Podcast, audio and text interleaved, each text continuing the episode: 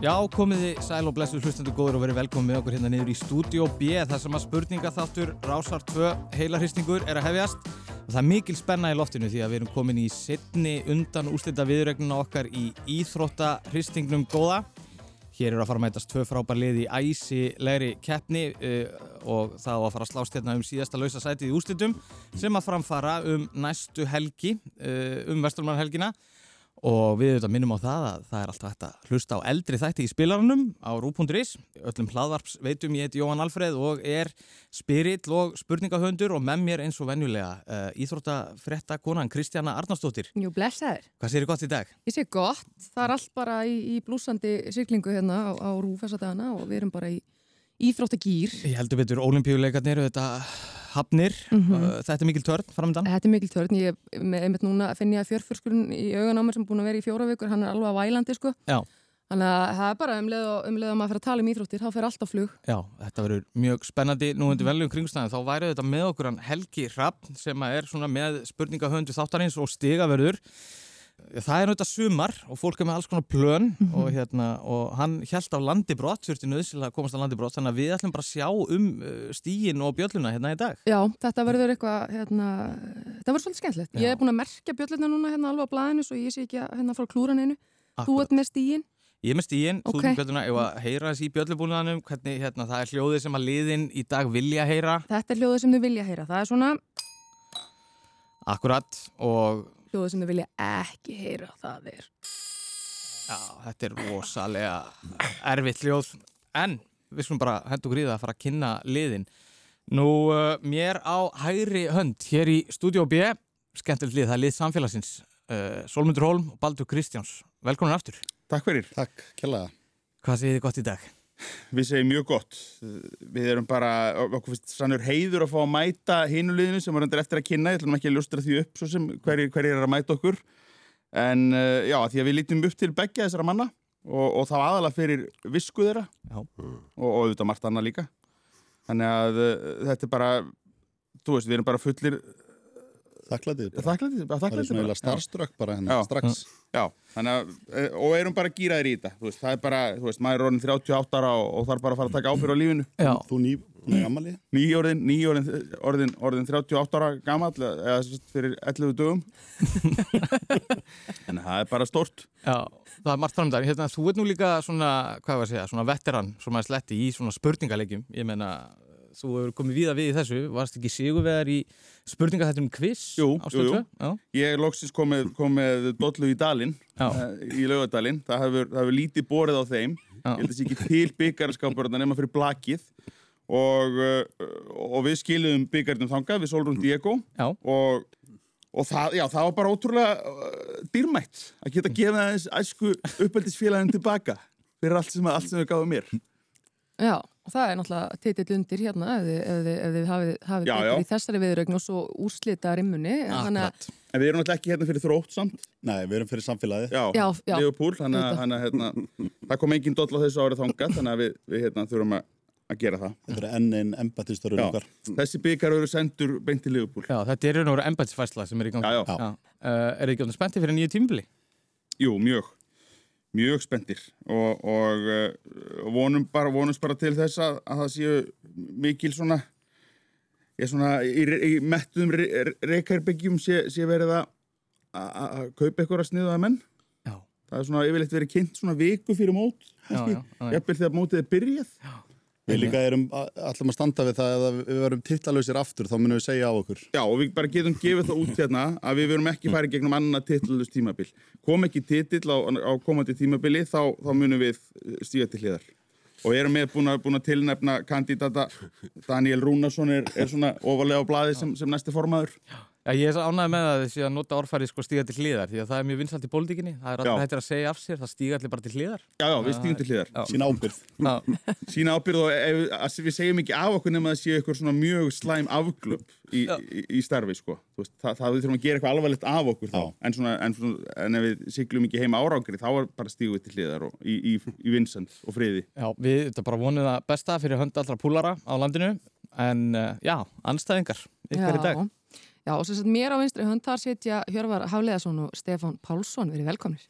Takk. Takk. Hvað segir þið gott? Við erum bara bísna brattir.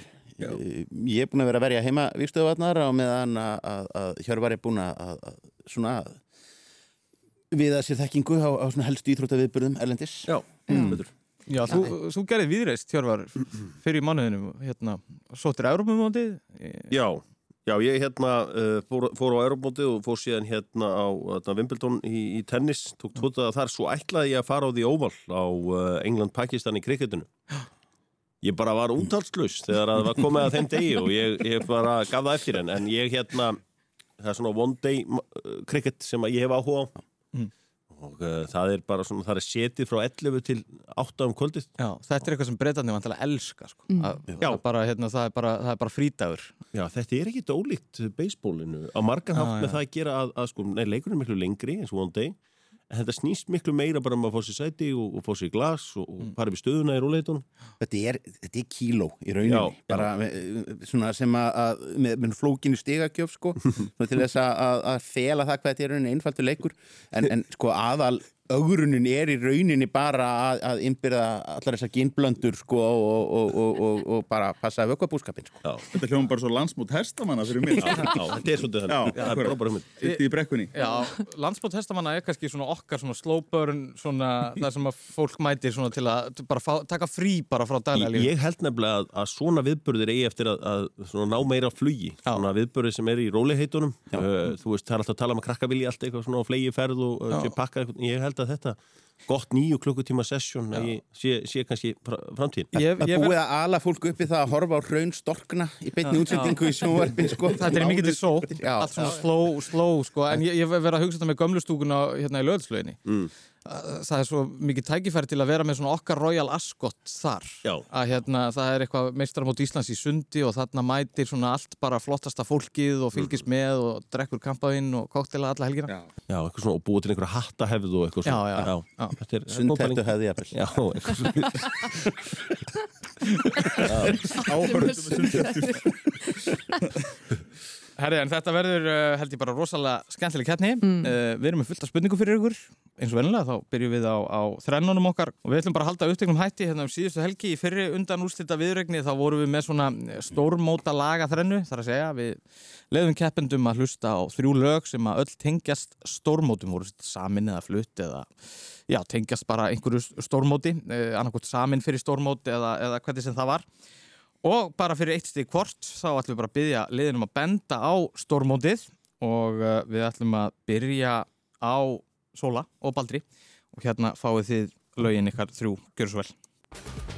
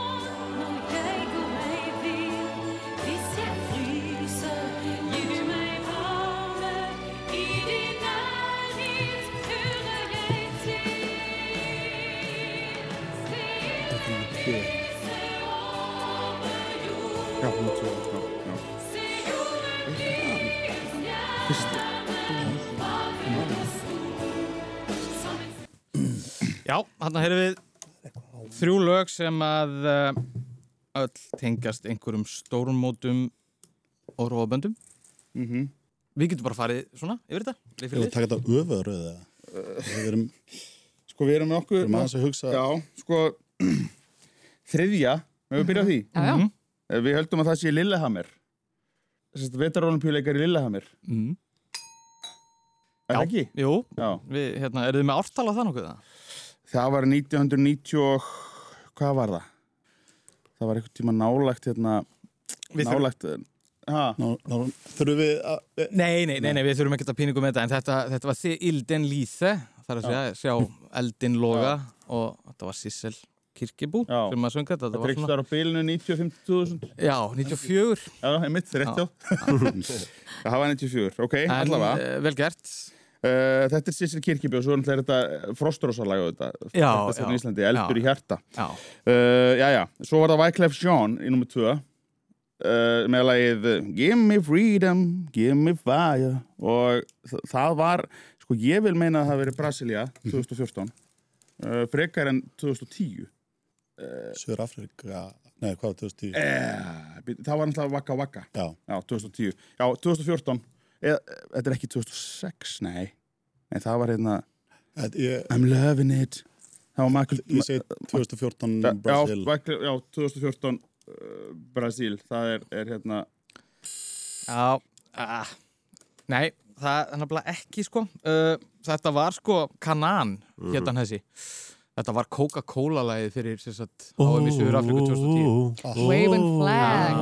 Þannig að svona smá, smá trikk sko því að Shakira, Shakira-lægið er náttúrulega frægast en, en hérna, það þetta var nokkuð vinsælt Það var já, maður að tala um það sko. Já, þetta var Já. Já, já, já. Þarna, En uh, fyrsta? Sko það er náttúrulega Hvenær byrjaði maður að tjanta þetta? Þetta er alveg... Ég er búin að gaula þetta í ára tugi sko. Sko er þetta fótbolti eða handbolti eða? Þetta er fótbolti. Þú tekur ábyrð á því Þá voru að fá þurfa að fara svolítið, þá voru að tala um 2002 eða eitthvað sko Ok, 2002 var það í Fraklandi. Ekki? Jó, ekki Ég er ekki heitur hérna. sko. Nei, þetta er, þetta er sko, ég er betur ekki ekki rattir en þetta sko Þannig að, Það kom með eitthvað, eitthvað endalegt svar já, já, Búin að henda við já, já, gerum það bara. Við, við, erum, við erum bara ekki sterkir í svona lið sko. Ok. Sem háum Já, 2002. 2002 Já, sko Þú sagði nefnilega Frakland, Baldur. Það er rétt. 98. 98 í Fraklandi Það var Carnival du Paris. Uh, og svo var þetta lag og þetta hefur þetta verið notað alveg endalust á öllum fótboltalegjum og var náttúrulega lengi vel á. Káuröllinu Já, já, líka. já. En það er stert stig sem að samfélagi náðu sér í hérna uh, þau voru með Hanna Sissel. Lillehammer hana, og uh, fjandi nálatínu en stundum dettur þetta svona. Það komið að steppa á hjörvari. Þið fáið sambarilega þrennu, gjöru svo vel. It's coming home, it's coming, football's coming home, it's coming home, it's coming home, it's coming, football's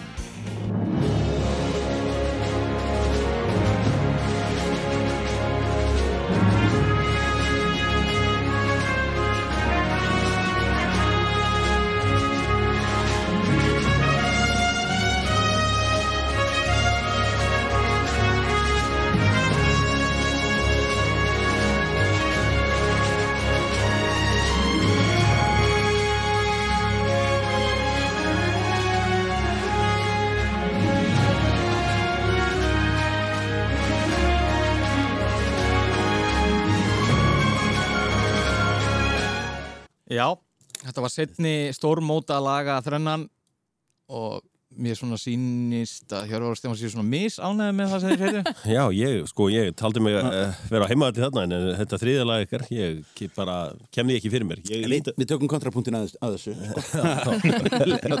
sko, þetta lítur að vera hérna, olimpíuleikar eftir að ég misti áhugan á olimpíuleikum Já, við- förum bara frekar í hináttina. Byrjum, byrjum bara á því sem við erum með. með, ok, fyrsta, fyrsta var EM 96 It's Coming Home. Já, já. Númer tvö. Við Stefán búin að ræða þetta ágætlega. Já, svona, með handapatti og, og, og bendingum. Ég er alveg harður á því að þetta sé fyrir uh, þetta, er, þetta er fyrir Seúl 88 af því að ég kefti plötuna. Og það er eftir fyrsta platan sem ég á. Og þetta er ekki fyrir HM 86 ja, þetta er annarkvort HM 86 eða Seúl 88 Og við höllumst að 88 vegna þarna undir lók nýjönda áratúrins þá er nú komin á þann stað að það er ekki hægt að fara í vitundavakningar átaka á Íslandi þannig að Valgi Guðjónsson sem í lag. Og þetta bara fittar alveg tekur Og- eftir boks Sko þetta, er komið, komið, kemur tventi gegn Það er annarkvort 86 eða 88 Það er, það er HM í Sviss 86 í handbólta Ég held að 86 sé alltaf vera vittlust Mm. það er alltaf vera vittlust alltaf, þú veist Það var orðin amma mín og eitthvað svona sko. Ok. Þa, það, það var latta Ég- tímabilið, svo eru komin inn á Valgir. Þannig að, já, við segjum, segjum Sigur 88 Það er bara hárið rétt alveg, getur við rætt aðeins þetta lag. Þetta, er, hérna, þetta heyrist, þetta heyrist minna en að gerði því sko. Ég held að fótboltin ætti nefnilega hérna á Íslandi líka að taka þetta fram að því að það er ekkert handbólti Já. við þetta lag sko. Nei, nei, nákvæmlega, Og- nákvæmlega. Og uh, frábært lag hjá, hjá Valgeri Já, ég held kannski að þið ætlaðu að lappa sko í B-keppnin 89 Já, við hefum gert það? sko. á því. En, en nei. þetta var nefnilega Seúl 88 sem að var reynda vonbreiða mót Já, ég hérna fekk átti í plötuna og framar á henni eru allir með gítar. Já, allir. Svona, já, já. allir leikmenn og, og, og, og ég held að Gaupi sér líka með gítar. Þannig að hann var að, sýsta því á bótan Ok, uh, þrjú. Ég skal viðkynna það að númer þrjú sko, veist, þetta- á, á, ég- á ég að segja þér eitt. Já. Gæti þetta verið bara titilagi núna fyrir tónki olimpíuleikana sem, að, sem við erum náttúrulega að vera að hlusta á hverju einastu nótt hérna heyrðu, það, það, sko, þetta er náttúrulega almennt thematíst svona stór bíómyndatónlist einhvern veginn. Þetta er 2012, 2016 og 2021 af því að þetta er, þetta er hér ég hættur á olimpíuleika skellur hér í, í almanna útvarpinu að við ekki Já, þetta en, en, en, En já, já, heyrðu, segjum það bara Já, það segja öll þrjú. Hvað Við ætlum að, segja, við segja, ætlum að segja séu núverandi olimpíuleikar í Japan, Tókjó Tókjó. Það segja Tókjó Já, 2020 slash 2021. Já. Það er Hvað var það? ekki rétt Þetta er svo Sko, óbáslega ameríst. Málið er það að þetta var, Já. kontra, þetta var algjör kontrapunktur sko. Og hérna Stefán var aðeins með þetta á vörunum þannig að tala um að þetta var svona svo bíómyndatónlist. Þetta er John Williams. Já, það er nefnilega málið. Og John Williams hefur samið þemur sett fyrir olimpíuleikana í Los Angeles 84 og svo hins vegar Atlanta 96 en þetta var Atlanta 96 Það var Það eru algjöru lúða leikar sem allir vilja gleyma. Já. Það er bara Coca-Cola leikarnir og, og svona. Einmitt, Já, sko, við skumumst okkar ekki fyrir Nei, að nei, nei, nei, nú bara svona þokkalega og Já. hérna uh, Hjörvar og Stefán náðu sér í tvö stig uh, Samfélagi með eitt stig. Þannig að hér er bara allt í gangi. Við ætlum bara að fara að henda okkur í þemaspurninguna og sjálfsögðu þá snýst þemaspurningin að þessu sinni og þessari viku um olimpíuleikana sem að eru hafnir. Já, við ætlum að bera upp fyrstu spurninguna á Sóla og Baldur. Já, við Íslendingar sendum fámenna sveit á olimpíuleikana að þessu sinni. Aðeins fjóra keppmyndur en þeir hafa ekki verið jafnfáir síðan einmitt á olimpíuleikunum í Tókjó 64 en það eru fleiri Íslendingar sem koma að þessum leikum. Sóli og Baldur, fimmleika konan Eithóra Elisabeth Þórsdóttir á íslenska fóreldra en keppir hins vegar fyrir annað land í fimmleika keppni leikana rétt eins og síðustu leikum í Ríó. En hvert er landið? Það er Holland. Það Holland. Bæn Jep, hún eithvara keppi fyrir Holland og það er sambarileg spurning fyrir uh, Hjörvar og Stefán.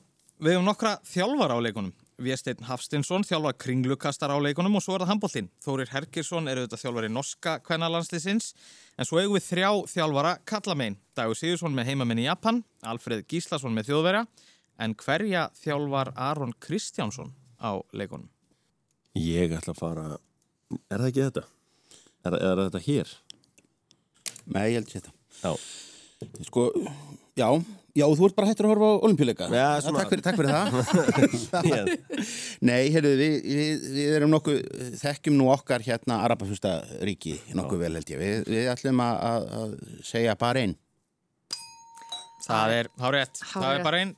Og það verður spennandi að fylgjast með, með þessu meðal hans hérna degi með heimamennina í Já, það er bara gaman að þó að við höfum ekki komist inn í, í handbóltanum að þá eigum við okkar fulltrúa. Ég, hérna, þessi markfræga höfðatala, ég held að í handbólta þjálfurum hljótu að vera að standa okkur mjög vel. Rosalir. heldur betur. Herði, við ætlum að fara í 50-50 leikin okkar og uh, að því að við erum í svo miklum olimpíu anda þá ætlum við bara að halda áfram á þeim slóðum og við spyrjum samfélagið. Hvort höfum við Íslendingar oftar átt keppendur í hástökki á sumarolimpíuleikum eða badmintoni? Og- Svaraturum fyrir náttúrulega ekki yfir. Já, svaratum fyrir ekki yfir og, og við erum bara miða við það að já, bara þó keppandi hafi keppt á fleiri en einum olimpíuleikum þá, þá telja hverjir olimpíuleika fyrir sig. Já, einmitt. Þannig að það færist ekki yfir það nokkuð. Við getum, nei, ok. Já, það við getum sko við getum- það. Við getum fabuleira aðeins sko. Já, já. sko Það er náttúrulega Einar Karl Hjartason var náttúrulega legendir í, í hérna, hástökinu Já, það var okkar maður Hann var líka rosalega eh, þegar hann var sko, ég man að því að hann er svona á okkar kynslu að auðvitað eldri hann var mikið að dansaði mikið út í að minu, kerið heim Já, það. Já, það er ótrúlega, það, þú veist, Það er- það er sterk típa dansaði mikið, Já. kerið heim Svo erum við náttúrulega með tengingu í hnit. Badminton, já, já, við erum aldir upp náttúrulega bara í vöggu, vöggu nýtsins, Já. hérna TBR uh, og það er náttúrulega eigum við okkar, okkar fulltrúa Já, sem er 83 úr Já, hún landskóla. er jafngömmul okkur en Ragna þó hún var svo klára, hún var í ára undan í skóla Ragnar Ingolsdóttir uh, en svo náttúrulega spurði hvort Broddi og Átni Árni farið eitthvað. Já, það ekki tvílega Einmitt. það er alveg spurning hvort þeir hafi farið á Já, er það ekki? Var þetta ekki samt eitthvað Ragnar eitthvað svona fyrst til að komast eitthvað þannig? Ég, mér veist alveg eins og eh, var Elsa Nílsen ekki þannig að Það er spurning, sko ég var eitthvað þetta- sáttari með að fara út með sko Badmintonið Já, Já, ef við ekki bara, við treystum bara hverfið Ef við ekki treystum hverfið Þetta er hnitið. Það er hnitið Vakkan hitsins. Æ, því miður, þið voru að síkta þetta allt saman vel. Einar Karl kefti að vísu aldrei í hástökki á olimpíuleikum en Nú. hérna hann dansaði mikið Keyrið heim. En sko, vi- við vorum með mikið badminton vor þarna 92 í Barcelona, þá var náttúrulega að fara átni Broddi og Elsa öll sko. Já. en það döði ekki til því að við höfum sjösinum sendt keppendur í hástökk, þetta er hérna mikið til uh, Byrja náttúrulega snemma. Sko. byrja að snemma í hástökkinu, þú veist Sigurður Sigursson til Berlínar 1936 og eitthvað svona. Já, uh, uh, þannig að já, það Jæja, er, það er sjösinum keppendur í sinnum Rosalega í við höfum giskað á hástökkið út frá einari karri sem fór aldrei Það verið alveg. Í gamla dag í hástíkinu þá fórum menn sko yfir á maganum. Já, emmitt Svona, Svo Já, kom það var miklu flottara. stílinn sem að Já. hérna, snýra sig bara. Það er sem reyndar sko hluta til tengist í að það var ekki dýna það var það Já, sandgrifi já, já, já Þú vilt ekki lenda bakkinu já, menn voru, já, menn voru að lenda bara jafnfætis Já, já, já. Það er að fara ímsa leiðir að þessu. Já, Jæja, Hjörvar og, og Stefán, það er komið ykkur og við ætlum að fara í uppáhaldsflokkina sem Hjörvar. Það eru olimpíuleikar. já, Hvort hafa Íslandingar oftar átt keppendur í 100 metra hlaupi eða í stangastökki? ég myndi bara ég held 100 metra, ég held að þessi skildi það sama við hefum verið að senda svo snemma inn í gamla daga Sko ég held að við yrðum stórveldi í stangastökki hvenni. og svo byrjuðu aðrir að keppa í því líka það var Já, rosalega ósænt það var ótrúlega. ég held að við varum með svona kultúrin einhvern veginn. já, em, svona í vikingaeðlinu við það að bjarga sér úr njálsbrennu einhvern veginn. Nei, ég, ég segi 100 metra, bara alla leið. Já, Þetta alla leið með 100 alla, metra? leið, alla 100 metrana, við fyrir alla 100 metrana. Já, já. Nei, þarna munar auðvitað aftur bara mjög mjóu. Það er, við höfum sexunum átt keppendur í 100 metrar hlaupi sjö sinnum í stangarstökk. Já. já, Vá, rosalega er það mikið Já, Torfi Bringesson fór þarna. Mm, þrísvar já, Torfi Brynd og Er það pabbi og Dúma Þóri? Edda líka. pabbi Dúma Já. og svo, Já, já. akkurat. Þetta er að framarar að hafa. Þetta, þetta, er ekki, þetta er ekki fallegt. Herðu, hér er allt í járnum ánum fyrir mig valflokkaumferðina, staðan er fjögur þrjú fyrir Hjörvari og Stefáni. Og ég ætla bara að byggja ykkur um að snúið blæðinu sem stendur á einn. Það er komið að fyrri valflokkaumferðinni. Og flokkarnir sem eru í bóði eru Já, það er hvert er árið. Það er olimpíuleikum sem var aflýst. Þeir unnu brons á HM og gömul bríni. Ég var að fara í Já, já, þú er nýbúin að ammali og svona Já, að ég ætla orðið í gamalt bríni sjálfur þannig að, að hérna, við ætlum að fara í gömlu brínin og spurningin er þessi. Roger Mía vann hug og hjörtu fótbolta unnenda á HM þegar hann leik með Kamerún á þremur mótum. En hann komst í sögubækurnar á HM 1994 þegar hann var elsti markaskorari á HM frá upphafi þegar hann skoraði gegn Rúslandi í reyðlakeppninni. En hvað var Roger Mía gamall á HM 1994 í Bandaríkum? 42 ára gamall Ekki? Jú, 42 Já, sko ég man, ég hlustaði á Dr. Fútból, Já. þá varst þú að tala um ef að höfðingin myndi fara á Katar, Mhm. Já. þannig að hann bæta þetta með. Já, höfðingin 80 model Mhm. 80 hann var 42 ára þá það er það eitthvað dagamett sko. Já, já, Þetta er 42 ára. það er bara Tók dansinn hana í lokin, já, já, nákvæmlega. 42, absolutt. Hárið. Spila þetta allt upp í hendunar Nei, þetta er svo tala sem er heilt svo oft 42 ára og sem ég er 42 það er eiginlega, þetta, þetta fylgir alltaf nafninu sko. Svarið. Já, Takk fyrir. Vel Það er gert, Við fáum þess að hérna koma Lee Sharp til Grindavíkur árið 2003 vakti mikla aðtökli en það hefði kappin spilað fyrir stórliðins og Manchester United og Leeds fyrir á árum. Ferillin endaði ekki sem best hjá kappanum og síðustu árin var hann á miklu flakki í neðri deltaboltanum. Áður hann kom óvænt til Íslands. Rætt var um gamla brínið Lee Sharp sem var í komið til Íslands að klára ferillin en við spyrjum. Hvað var Lee Sharp gamall þegar hann mætti til Grindavíkur árið 2003 þar sem hann hafði í raun uh, lagt skóna á hilluna eða lagði skóna í raun á hilluna? Hvað var hann gamall þegar hann kom hérna? Ok, Já. hann kemur hérna 2003 Lee Sharp er eldri en Ryan Giggs hann er fættur 71 eða 72 myndi ég halda ég held sé ekki 70 ég myndi halda hann var annað 31 eða 32 þegar hann myndi hana. þetta er, þetta er algjör 50-50 og við erum að gefa þeim þetta ef að við klikum Já, já, það er alveg þannig. En, en 32, hljómar það ekki aldrei sennilega? 31 eða 32 ég, veist þetta þetta er svínsleg spurning. Um, hvað var hann gamall? Ef var þetta sami styrkleiki á spurningum? Er þetta sko. Þeir eru með Þorgjós sko. Já, já, það er bara annarkvort það er hann kort Ég ætlum að segja að hann hafi verið Tekur það 30 mm, 31 Já. Það var lagið. Skrifa hérna. Sko, Þetta er rosal Doc, Doc Nose sko, Þetta er já, bara- þetta var en þetta var bara svo fyndið, það var svo mikið talað um galan brínið, en við ætlum að gefa rétt fyrir bæði 31 og 32, því að hann var 32 Meðan í gulu treyjunni, En fættur einmitt 1971 eins og fættur 71 eins og. Þetta er bara límverksmiðan sko. Já, já. Herru, vel gert, mjög vel gert, og hvað segið þið, voruð það að hugsa um, uh, það komið eitthvað að velja? Þeir runnu bronsa HM Það eru, bronsleikitin eru nú eiginlega okkar uppáhald á HM Það er okkar leikir á Já, Þegar aðrir einhvern veginn er að gefa skít í bronsleikin þá, já, þá erum við Stefán yfirleitt klárir já, já. í bronsið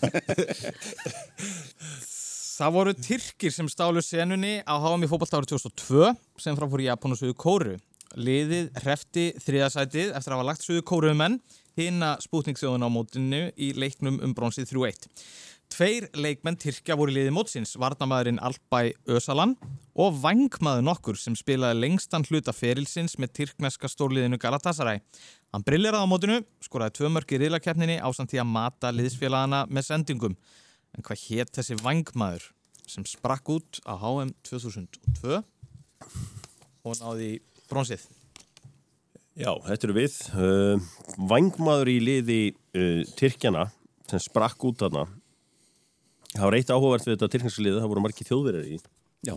og uh, ég held að Rústur Esper hefði nú verið valin í liði mó- mótsins þar sem hann átti náttúrulega var með svona her uh, eða hvað, hvað kallar maður, stríðsmálingu Já. eða svona eitthvað eitthva, eitthva töff sko, vangmaðurinn hausinn á mér fyrir beint í Hassan Sass Það hljómar bara mjög samfærandi En er ekki Hassan, já, veist, þetta er ekki Yildiray Basturk, af því að Yildiray Basturk man ekki eftir mörkunum. Ég ætla, En Sko- vel gert samt að gefa þeim stíð já, yfir já, já, já, já, en- já, já, já, ok, Hassan Sass. já.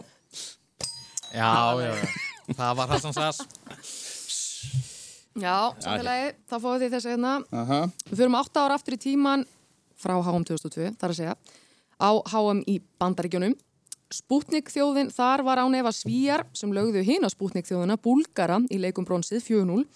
Framlína sannskaliðsins var skemmtileg, Martin Dahlin skoraði fjögur mörk á mótunu en með honum í framlínunni var annar leikmaður sem gerði fimm mörk á mótunu. Meðal annars markiði eitt eitt jafntefli við Sví, eh, Svíja við Brasilíu í riðlakefninni. Hann spilaði með Lill í Fraklandi. Þegar mótið var en átti síðan eftir að leika við góðan orðstýr á Ítalju með meðal annars Bari, Bologna og Lazio. En hvað hétt þessi Svíi sem skoraði fimmörk í framlínu Svíja? Er þetta ekki Thomas Brolin? Eh, Er ekki? Thomas Brolin ætlum við að segja Það er ekki rétt. Við þekkjum þennan, heldur betur. Við megum svara ekki. En hann fer yfir, jú. Jú, jú, hann á, þessi maður á ammali samt á ég, þetta er Kenneth Andersson. og hann mætti síðan hérna um hausti og löðarsvöld og skoraði sígumarki í leikum út í Íslandi og þú fagna alltaf með því að Já, taka já, svona já, tvær byssur eða hvað sem það var einmitt. Það er mjög töff. Já, já, já, já, svona töff Kenneth Anderson, já. Já, það er En, en þetta er eins og sorglegt sko fyrir okkur sem áhuga um bronsleikjar yfir upp þennan leik.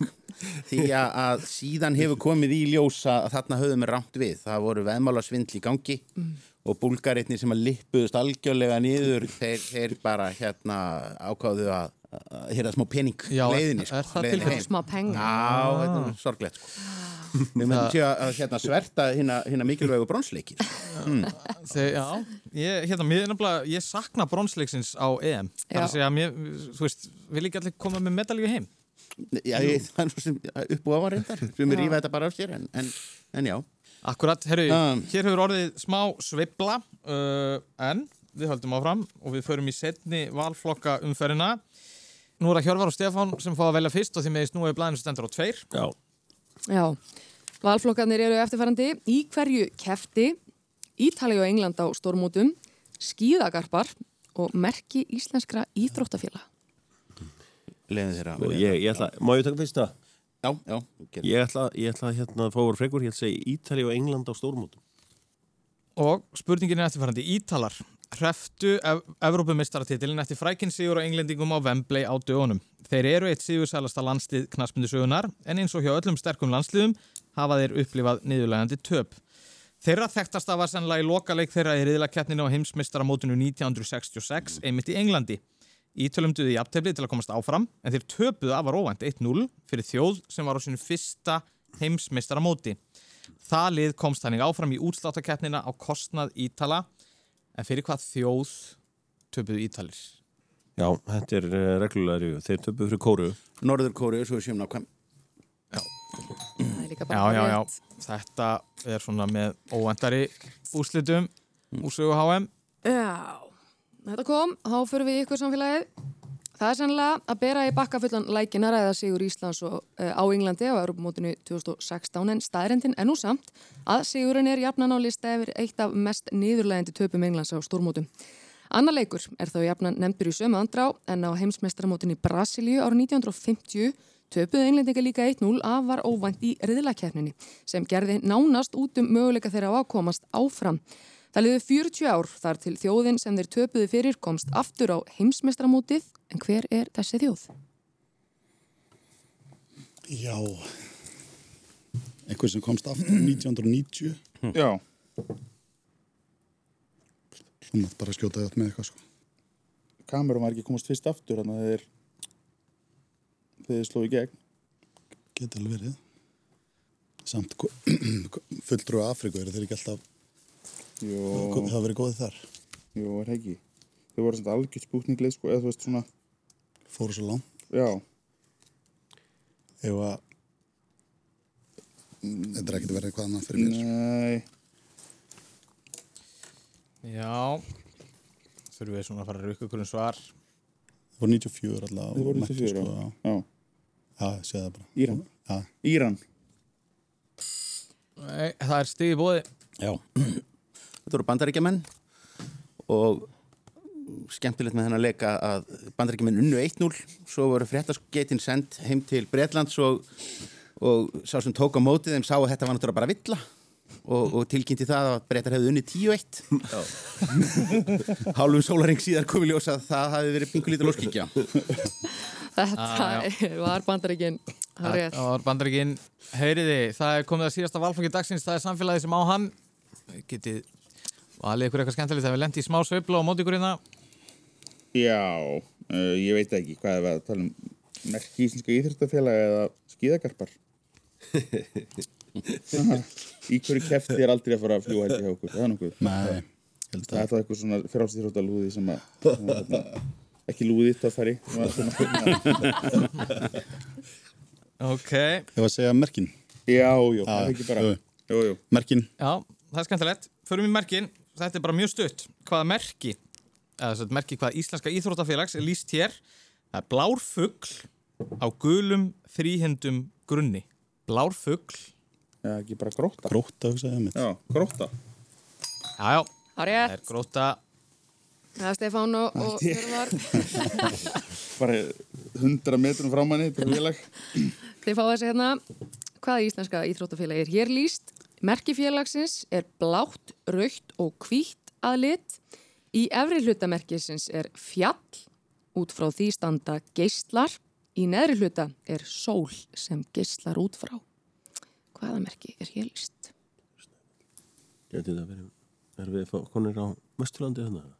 Það er ekkert ólíklegt, just, jökullin logar einhvern veginn. Já, já, ég, ég er, þetta er ekki minn, ég er ekki með svona Já. sjón, sjón eitthvað. Ég, ég, ég, ég, Þetta er bara fín ágiskun. Heyru, já, við bara tökum það. Frú Snæfell, þetta er alveg út í lofti, sko. Já, já. Já, vel gert. Myndlæsið er mikið, sko. Ha.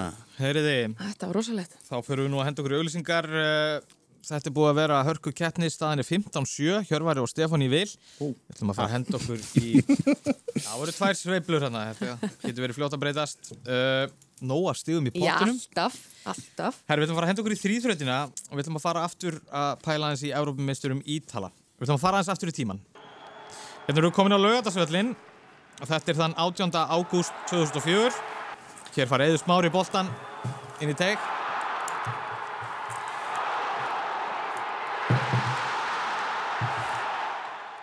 Þarna vorum við að mæta ítalska landsliðinu í vináttu landsleik uh, og hann fór sér fram þann 18. ágúst 2004. Við unnum frækinn sigur 2-0 en þetta var fyrir margt eftirminnulu leikur. Við ætlum að byggja um þrjú atrið fyrir eitt stig hvert. Hver skoraði síðara mark Íslands í leiknum? Hver þjálfaði ítalska liðið í leiknum og fyrir hvað komst leikurinn í sögubækurnar í sögu laugadals vallarins? Það er að segja þrjú atriði fyrir eitt stig hvert, hver skoraði síðara markið og eftir eið, smára, hver þjálfaði ítalska liðið í leiknum og fyrir hvað komst leikurinn í sögubækurnar í sögu laugadals vallarins. Og liðin geta hugsað þetta á meðan við hendum okkur í stuttar auglýsingar og heyrumst eftir gammal stund.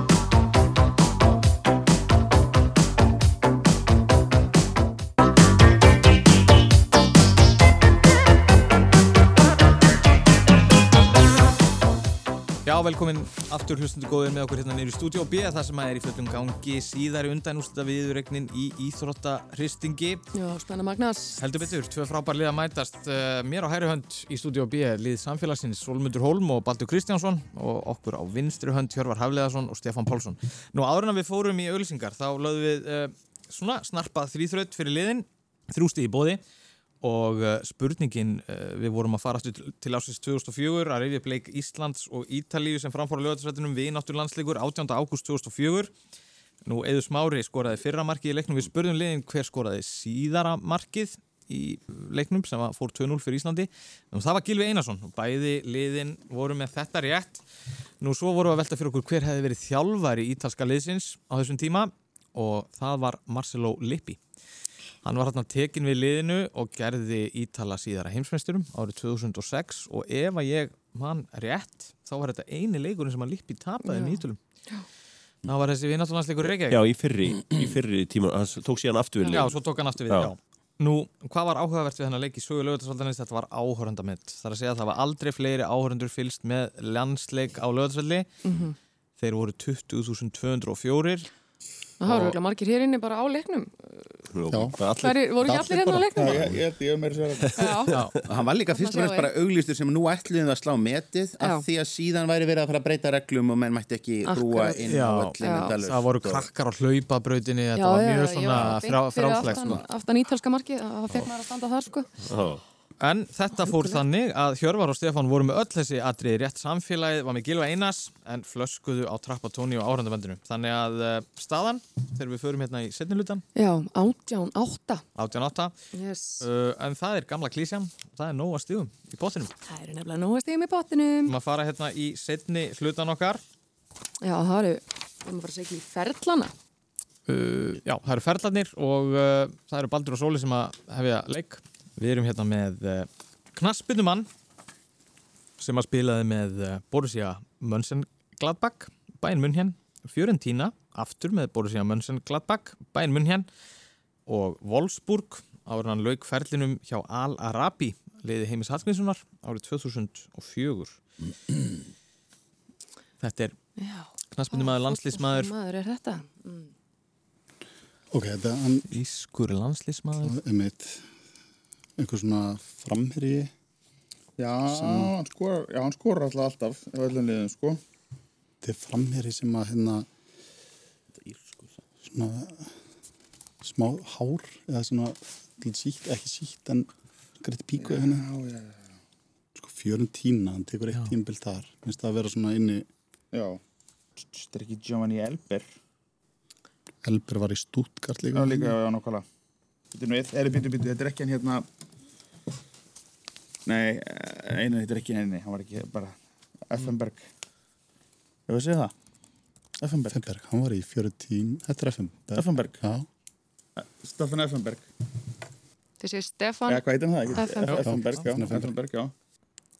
Já, er. Já, já, já, já, já. vel gert Hann var, auðvitað, hann var í þessu frábæra Fiorentina-liði með Brian Laudrup Já, og uh, Gabriel Battistuta þeir eru fjall einmitt. unnu samt loka leikin eitthvað 7-0 eða eitthvað þetta var rosalegt, Já. geðvett lið það tóldu í markinu þá Já, en ungur tóldó þetta var svona, þetta var, var sigla. þetta var lungfæðing en þetta Já. kom. Já. Það var já. sem að gaf, uh, hvað, puttan Já. á H94. Kannski svona, einna þekktastu fyrir það, eftir á að higgja.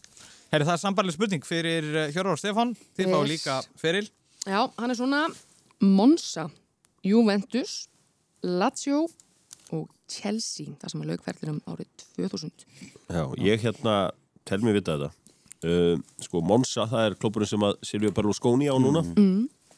reka hann með mikið svona glæsi, glæsi brag uh, þetta er Kasiragi Já, já. Þetta er Kassirækjum. Pierluigi Casiraghi. Uh, það var ekki að það leiði ykkur í eitthvað svona Vialli gildru eða eitthvað svona. Við höfum, Við höfum fallið þangað, við höfum farið þangað. Þetta sýnir bara hér, þetta eru doktor og professor og á móti tveimur, áhugamönnum úr lögadalunum. Þetta gekk vel, við fengum svör við báðum spurningum og við höldum áfram. Nú ætlum við að henda okkur í lýsingarnar okkar góðu. Þessu sinni, Baldur og Sóli, ætlum við að fara aftur til ásins 1998. Þetta er auðvitað frægstund á lögadagsvöldinum. Gjör svo vel. og Eyjólfur fer núna inn í vítategin Eyjólfur hefur mikinn stökkkraft og Rúnar með langa sendingu inn og Bartes kemur út og hann skalla markið Ísland 1, Frakland 0 Ísland 1, Frakland 0 Já! Já, þetta er fræg lýsing. Þetta er Mark Ríkas Daðasonar gegn frökkum í fyrsta leik í undakefni Euromótsins árið 2000. Frakkar voru þarna nýkrindir heimsmeistarar en urðu að gera sér jafntefnilega góða á lögadagsveldinum. Nú það var Ríkardur sem skoraði mark Íslands á 32. myndu og það ríkti sangkölluð þjóðháttíða stemning á vellinum í um það bil þrjár mínútur þar til að frakkar jöfnuðu leikin. En hver jafnaði fyrir frakkana? Já, Það var ekki eins eftirminnileg stund. Uh, þú veist, maður, maður geymdi þá stund ekki eins mikið í, í minninu. Nei, voru það á vellinum? já, Já, þetta var geggjað. satt í stúkunni sem var reist þannig frá aftan markið sem að Rikki skallaði hann inn Vá, Já, bara kopstúkunni. Þannig ég sá í rauninni daldið illa hver skoraði sko, hérna hinum einn. Það er lástaðan fyrir ég mannit ekki. Það var ekki Djorkaev, Júri, Júriðin. Uh, sko, jú, mér finnst það eitthvað er það ekki? Dugari. Dugari, já. Manstu eitthvað hvernig markið það var? Nei, ég man ekki hvernig það var. En það var, það var ekki fallegt, skilur, þetta var bara eitthvað svona pot. Þetta var pott sko. Já. Þetta var alveg gæða pott. Já. Ég, mér, sko, ég, er það Dugari? Er það frekar? Dugari. Mér finnst það, sko, Djorkaev, það hefði verið, þá myndum maður muna það bara, ég. það er svona Rikki Daða þeirra frakka einhvern veginn svona hár, góðu skallamæður. já, já. En mér finnst reyndar Júri vera, Gott gisk. Sko, af því þeir vita þetta. Já, Þeir eru aldrei að ná- gefa nákvæmlega. þeim neitt, Nei, nei, skilur, nei. þú veist, þeir eru ekkert að giska neitt. Þannig að, þannig að þú veist, uh, ég held að við séum, ég held að til trist á varaformannin hérna. Ég held að, þú ok, veist, þú, ég þú þakka tröstið. Já, og ég ætla bara að gefa frá mér er mitt gisk sem er Djorkaev trista á þig, Dugari þú, þú, Kristoffer Dugari, við föllum bara með því. Já, Já. Það er líka já, þetta var Dugari. Vel gert, uh, þetta var ekki ljótt mark því að síta anátti alveg reyndar. undirbúning að Já. Það var, já. eina mómenti í leiknum þar sem að hann svona Það að, sem Dugari gerði var Þegar fara aðeins upp á næsta level hérna og spændi sig í gegnum íslensku völdina. Var þetta ekki bara innanfóta kl kláran hjá Dugari? Já, þetta var bara eitthvað pot- bara, Já, nákvæmlega. já. Gæðapott. Þetta var svo kallar gæðabót. Heyriði, uh, það er fyrir ykkur, Hjörvar og Stefán. Já. Gjöruðu svo vel, við heyrim aftur brott. Enn er vindurinn talsverður og Sigurður getur spynt alveg yfir á langt yfir á vallarhelmi þjóðurinnar. Já, já. sem hann og gerir og Áskei Sigurðsson allt í rúkvæli færi og þrjumar úr í markið þetta er ótrúlegt 2-0 Íslendinga komið tvö einu mörgum fram fyrir austu þjóðverja þetta er svo sannarlega verkið sem leikur að verða hér sjáum við hvernig á að afgreða svona hluti Já, já. Já, fyrsta knasputnu æfintýri Íslendinga alþjóða vettvangi var mögulega í undan keppninni fyrir Evrópumóti 1976. Ísland gerði meðal annars jafntefli við austur þjóðveri á útivelli og frakka á heimavelli. Þar til vannst frábær sigur á austur þjóðurum hér heima 2-1. Hér heyrðum við brot og lýsing á því þegar Áskir Sigurvinsson kom Ísland í 2-0 en áður hafði annar leikmaður skorað glæsilegt mark. Hver var hann? Já, þetta þekki við svo sannarlega. Við, svo sem, Þetta er alltaf rifið Já. Það er maður sem er, er nýláttinn Bæði hann og bróður hans. Og þetta er Jóhannes Eðalsson Betur þetta sem Búbi Já, já. Það er líka. Hvað spilna? Og maður var alveg uppið það að þetta væri stærsta stundin sko. Og er þið sennilega aldrei topp? Það var alveg En Við getum heyrt hérna Ómar Ragnarsson lýsa hérna bakvarspinninu frægu. Fer þarna eitthvað endamörkum og inn er að ná í boltan Ólafur Júlísson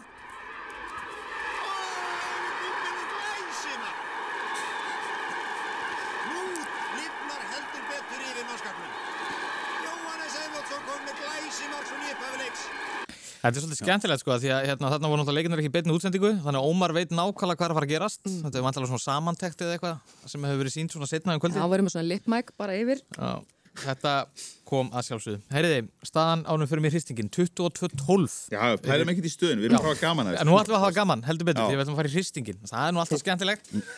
Til með því snúið blæðinu stendur á þrýr. Og þetta er bara eins og verið hefur. Við förum þrjár umferðir, það er liðið sem er undir sem fara að velja fyrst, Sóli og Baldur og uh, við erum með fjögur þemu í bóði fyrir ykkur fyrir annarkort 1, 2 eða 3 stig og uh, mér heyri samfélagið að hafa bara gaman að þessu Já, já. við Við erum að Kristjana. taka eitt stíð í öllum liðum. Já, við erum að fara yfir, fara yfir það flokka sem í bóði eru í hristingnum. Það er að segja fyrsta sem er í bóði menn mótsins á HM. Íþróttamenn ársins á Íslandi, frægir nefalega bardagar og varamarkverðir.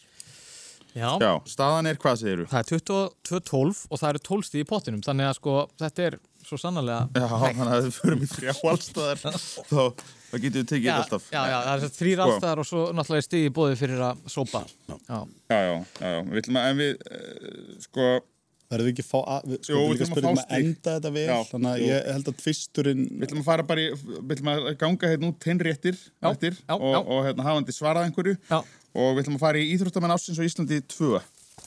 já mér líst bara vel á það Það má segja að verðlunin um íþróttamann ásins sé ekki bara innví einstaklinga heldur ekki síður keppni félaga sem hafa haft íþróttamann ásins innan sinna raða. Þar trónir íjar á toppnum. 11 sinnum hafa íþróttamenn ásins komið úr rauðum félagsins. En það er eitt félag sem hefur náð eftirtekt að vera um árangur á þessu sviði en félagi er ekki með þeim stærstu á landinu. Fimm sinnum hefur félagi státað af íþróttamanni ársins úr sínum rauðum, nú síðast kraftliftingamæðurinn Julian K. Jóhansson árið 2019. En áður höfðu meðal annars Magnús Geving og Bjarni Friðriksson hlotið titilinn undir merkjum þess. Hvert er þetta íþróttafélag? Við heldum að þetta sé nú bara ná, nálagt okkur í, í, í sveit sett og ætlum að gíska á Ármann. Jájá, það er hárétt. Ármann er frábært félag. Já, Og hérna, við höfum sterk að töga þanga líka. já, ég hafði fimmleika þannig lengi Já, já, þannig að það var þeir eru í fimmleikunum. hérna, Ármanns lengi vel, þetta fótbollin tók yfir. Akkurat, þeir eru í kraftliftingunum og Já. hérna Ég hef verið þar aðeins. sundinu. Einmitt. Og þetta er náttúrulega, ég veit ekki, Stefán, er þetta ekki hvað, elsta, eitt elsta íþróttafélag landsins? Getur það ekki verið það? Jú, svona pingu deilt um, stopnaröð á þeim hérna en, en þetta, já, þetta er, þetta er elsta Reykjavíkufélagið. Það er ekki skotfélag það er skotfélagið Jú, skotfélag Reykjavíkur er, er elst, þeir svona tóku sér 80 til 90 ára pásu en, hérna, annars mjög góð, sko. Akkurat, þetta var Ármann og þetta kom að sjálfsögðu. Uh, það er bara komið að Hjörvar Stefáni. Sko, ég, sko, varamarkmenn er eitthvað sem við verðum að fara Þú verður að taka varamark, Já, ég, ég- skil það ég- fullkomlega. Sko, tvö, tvö, tvö ég gæti stólið að þér Já, ég nefnilega bara- veit að Baldur er góður í varmarkmennum líka Þannig að tökum tvistin á varmarkmenn Já, Við farið í þrýstir. ok. Kristurinn Frábær. hljómar svona. Já, þetta er góða flokkur, mjög góða fyrir þig. Já, Já. Pressan er þér. Á HM 1990 lendi Neri Pumbido markverður Argentínumanna í því óhefni að fótbrotna í leik gegn Sovjetríkjunum. Varamarkmaðurinn var kallaður til en sá var einnig varamarkmaður Pumbido í River Plate í heimalandinu. Varamarkverðurinn hafði ekki spilað fótbollaleiki í áttamánuði þegar hann kom inn á en reyndist síðar hetja Argentínumann á mótinu með því að verja vítaspyrnur. Hvað hét þessi Jú, jú, hann heiti Sergio Cocotia Það er líka alveg hárið. og var mikil, mikil vinur Maradona alveg bara til síðasta dags. Og það er svona hetjurnar í, í Brasilíu eða í Argentínu er verðast miklu vini markmannsins eins og núna er Messi búin að taka hérna. Emi Martínez og spyrti mynda á honum á Instagram. Eitthvað sem að egoið á Messi myndi ekki gera nema að væri Nei. hann slefti að fara heim í hérna fæðinguna hjá hérna konunni, hún var að fara eignast batn og hvernig sem, já. Og hann, hann, hann, hann, sagði, hann, sagði, hann sagði þessi fæðing skiptir engum máli. Ég á möguleika að vinna titil með Messi. Og Messi kunni svo að meta þess að fórn að hann byrti mynda honum á Instagraminu sínu Var ekki líka varamarkmaður hjá Barcelona með fléttunar? Fekk hann ekki alltaf samninga Jó, þegar hann var svo Pinto og hann og Messi eru vinir. Mitt, sko. en Messi vildi hafa hann í klubnum En var ekki, var ekki þessi Argentínumæður sem að fór síðan einhver hérna, nöttara trúsafnu og mátti ekki spila Nei, það var Carlos Róa Alveg mátti ekki spila á laugatugum svona, smá handika Herri, þetta kom líka að vara markmennir, hvað segir þið, strákar, Sóla og Baldur? Sko, Önnur umferð? uh, ég held að við myndum enda þessu Já, já, Þó, ef, ef þú vilt, já, akkurat Ef að fara í þetta, fyrst inn á þessu Já, maður, Er prófum það. Já, við ætlum að fara í, í bóksið Já, Tvo, Tvistur. tvist- tvistur þar akkurat. Herriði, 1. oktober 1975 mættust Mohamed Ali og Joe Fraser í þriða sinn í hnefalegarhingnum. Staðan millir þeirra innbyrðis var 1-1 fyrir bardagan en talið er að um miljardum manna hafi fylgst með bardaganum sem gerði hann að einum stærsta sjónvarsviðburði sögunar á þeim tíma. Ali sigraði bardagan eftir frábæra framistöðu en hann var stöðvaður eftir 14. lotu. En undir hvaða nafni hefur þessi bardagi gengið? Þetta er uh, Rumble in the Jungle. Nei, Rumble, Rumble. Rumble in the Jungle var þegar Josh Foreman mætti uh, Ali og uh, þessi bardagi. Rumble. Var ekki, var ekki alltaf Ali sjálfur sem bjóð til nöfnin á þessu? Jó, Já, einhvað þannig. Hann var bara starfandi almann, almannatengsla deild sko. já. hérna, er þetta ekki, er þetta ekki hérna á Philipsheim er þetta ekki að keppa þarna á á Thrilla in Manila. Já, er það ekki? Já, þarna Sópa Hjörvar og ná einu stíi Þetta er svona, þetta er þessir, einmitt það, það var eiginlega annarkvæmt Rumble in the Jungle eða Thrilla in Manila sko. uh, hérna, Thrilla in Manila. Þriði ég hefði orðið eitthvað rosalega slaft. En það er rétt að, að það var náttúrulega Ali sem að bjóða þetta til með því að vera svona, hann hérna alltaf að vera að killa en að thrilla en að chilla when I get that gorilla in Manila. Og þá var þetta bara orðið Thrilla in Manila. Og það var alveg miljardur til ég að horfa á þetta sko. Heyri, uh, þið meði velja. Varamarkminn, þrjú stík Já, Það er bara ekkert öðruvísi. Alright, varamarkmenn gegna sínu hlutverki í fótbolta. Þeir koma sjaldan inn á í leikjum, nánast innverungu þegar aðalmarkverðurinn meiðist. En þó þeir spil ekki marga leiki geta varamarkmenn verið mikilvægir liðsfélagar. Þegar Manchester United vann meistardildina í frægum leiki í Barcelona árið 1999 hljóp þannig varamarkverður liðsins inn á völlun og fagnaði ærlega, þrátt fyrir að hafa ekki spilað mikið með liðinu.